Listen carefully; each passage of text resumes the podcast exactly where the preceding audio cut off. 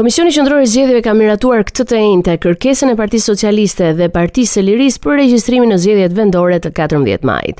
Ndonëse de facto Sali Berishën e njeh si kryetar të Partisë Demokratike, Ilirjan Celibashi, komisioneri shtetëror për zgjedhjet, fjalën e tij e bazoi mbi vendimin e gjykatës i cili mban regjistrin e partive politike dhe ku pavarësisht dorëheqjes publike të Lulzim Bashës në 21 mars të vitit të kaluar, ky i fundit figuron ende si kryetari i kësaj force politike. Në perceptimin tim, Berisha është kryetari i PD-së, por të drejtën për të regjistruar PD-në bazuar në dokumentet zyrtare që janë vënë KQZ-së e ka Lulzim Basha. Ai figuron kryetari i Partisë Demokratike, tha Celibashi në fjalën e tij. Megjithatë, dera nuk është e hapur plotësisht për Lulzim Bashën. Mungesa e dokumentacionit në autorizimin e këtij të fundit që mban datën 18 mars të vitit 2022 nuk i ka mjaftuar Celibashit që ta regjistrojë atë në zgjedhjet e 14 majit. Sipas tij, autorizimi nuk mund të jepet për të gjitha zgjedhjet në përgjithësi, por duhet të saksohet vetëm për ato të 14 majit. Celibashi tha se mungon edhe deklarata e firmosur e Bashës që si kryetari i Partisë Demokratike angazhohet për refuzimin për të marrë pjesë në praktika të blerjes së votës apo dhe financimeve të paligjshme, sikundër përcakton neni 64 në pikën 2 të tij. Këto kanë qenë arsye të mjaftueshme që kreu i KQZ-së të mos e regjistrojë Lulzim Bashën, duke i dhënë një afat 48 orë përfaqësuesit ligjor për të plotësuar dokumentacionin. Kjo vendimmarrje e Celibashit nuk i ka pëlqyer përfaqësuesit ligjor të Bashës, i cili paralajmëroi ankimimin në KAS.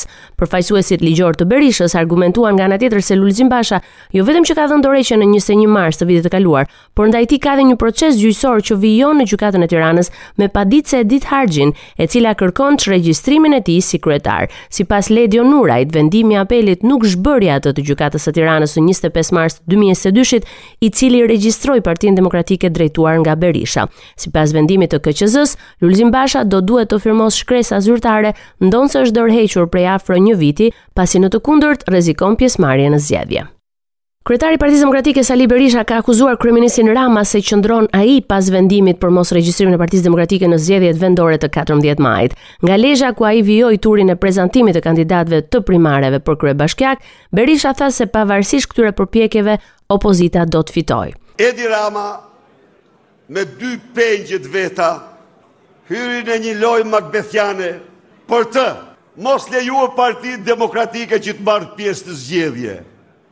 Sepse e din që është i mundur se një fund e ka Si Mek Gonigali, ai në Amerikë, ky në Shqipëri, mos e marrshim me avion të veçantë. Demokratet dhe demokratët që akoma s'kanë bërë vendimin, janë të ftuar të mendojnë. Edhe Edvi ta jap fjalën e nderit, që do të të përzëm me votë dhe mosbindje civile. Në Lezhë, opozita e drejtuar nga Sali Berisha do të konkurrojë me kandidaturën e Pashk Gjonit, i cili doli si kandidati me mbështetjen më të madhe nga procesi i primareve. Socialistët e kanë pothuajse gati skuadrën e kandidatëve për kryetar bashkie me përjashtime të vogla ku bën pjesë dhe Vlora dhe ku në diskutim janë dy emra që presin konfirmimin e kryesisë socialiste. Kjo e fundit u mblodh të enjten për të diskutuar detajet e fundit të listës që do të miratohet nga forumi më i lartë vendimarrës i selisë rozë vetëm pak orë përpara përfundimit të afatit të regjistrimit të KQZ-së. Kryesocialisti është i bindur në një fitore të thellë edhe për shkak të kundërshtarëve që kanë përballë. Në lidhje me situatën ku ndodhen demokratët aktualisht, kundërshtarët historikë të socialistëve, ai nuk pranon të ketë influencuar, duke u përgjigjur kështu akuzave se ka imponuar me fuqinë e pushtetit të tij vendimin e gjykatës për vulën e PD-së. Në bashkëpunim me gazetarët, kryeministri Rama konfirmoi se të ardhurat nga taksa e jashtëzakonshme për prodhuesit e energjisë do t'u shkojnë pensionistëve dhe hodhi poshtë zërat se kjo bëhet për shkaqe elektorale. Pak orë pasi KQZ shpalli publikisht se njihte Lulzim Bashën si kryetar të PD-së, lideri i Partisë së Lirisë, Ilir Meta, doli në konferencë për shtyp dhe deklaroi se Partia e Lirisë do të hyjë në zgjedhje me listën e saj për këshillat bashkiakë, duke e shoqëruar këtë fakt edhe me leximin e disa prej emrave. Kjo do të thotë se koalicioni i përfolur mes tij dhe Berishës, si në zgjedhjet e pjesshme të 6 marsit, nën siglën e Partisë së Lirisë, nuk do të realizohet. Kodi i ndryshuar zgjedhor urdhëron që çdo forcë apo koalicion politik duhet të ketë vetëm një listë emërore për këshillat bashkiakë. Burime pranë PD-së së Berishës bëjnë me dije se është duke u finalizuar koalicioni mes tyre dhe fillimisht partive të Vangjel Dules dhe Agron Dukës. Kandidatët e primareve do të jenë në garë për 61 kryetarë bashkish. Është duke u negociuar për përfshirjen mes tyre edhe të ndonjë kandidati të kërkuar nga PBDNJ-ja dhe PAA, ndërsa për listat e këshilltarëve bashkiakë duket se kompromisi do të jetë shumë më i thjeshtë. Ministrja për Europën dhe Punët e Jashtme Olta Xhaçka deklaroi nga Forumi Ballkanik i Budapestit ku ndodhet momentalisht se rajoni sheh sinjale pozitive nga BE-ja për sa i përket procesit të integrimit dhe se pritshmëria është që brenda 2023-shit vendi ynë do arrijë të mbajë konferencën e dytë ndërqeveritare.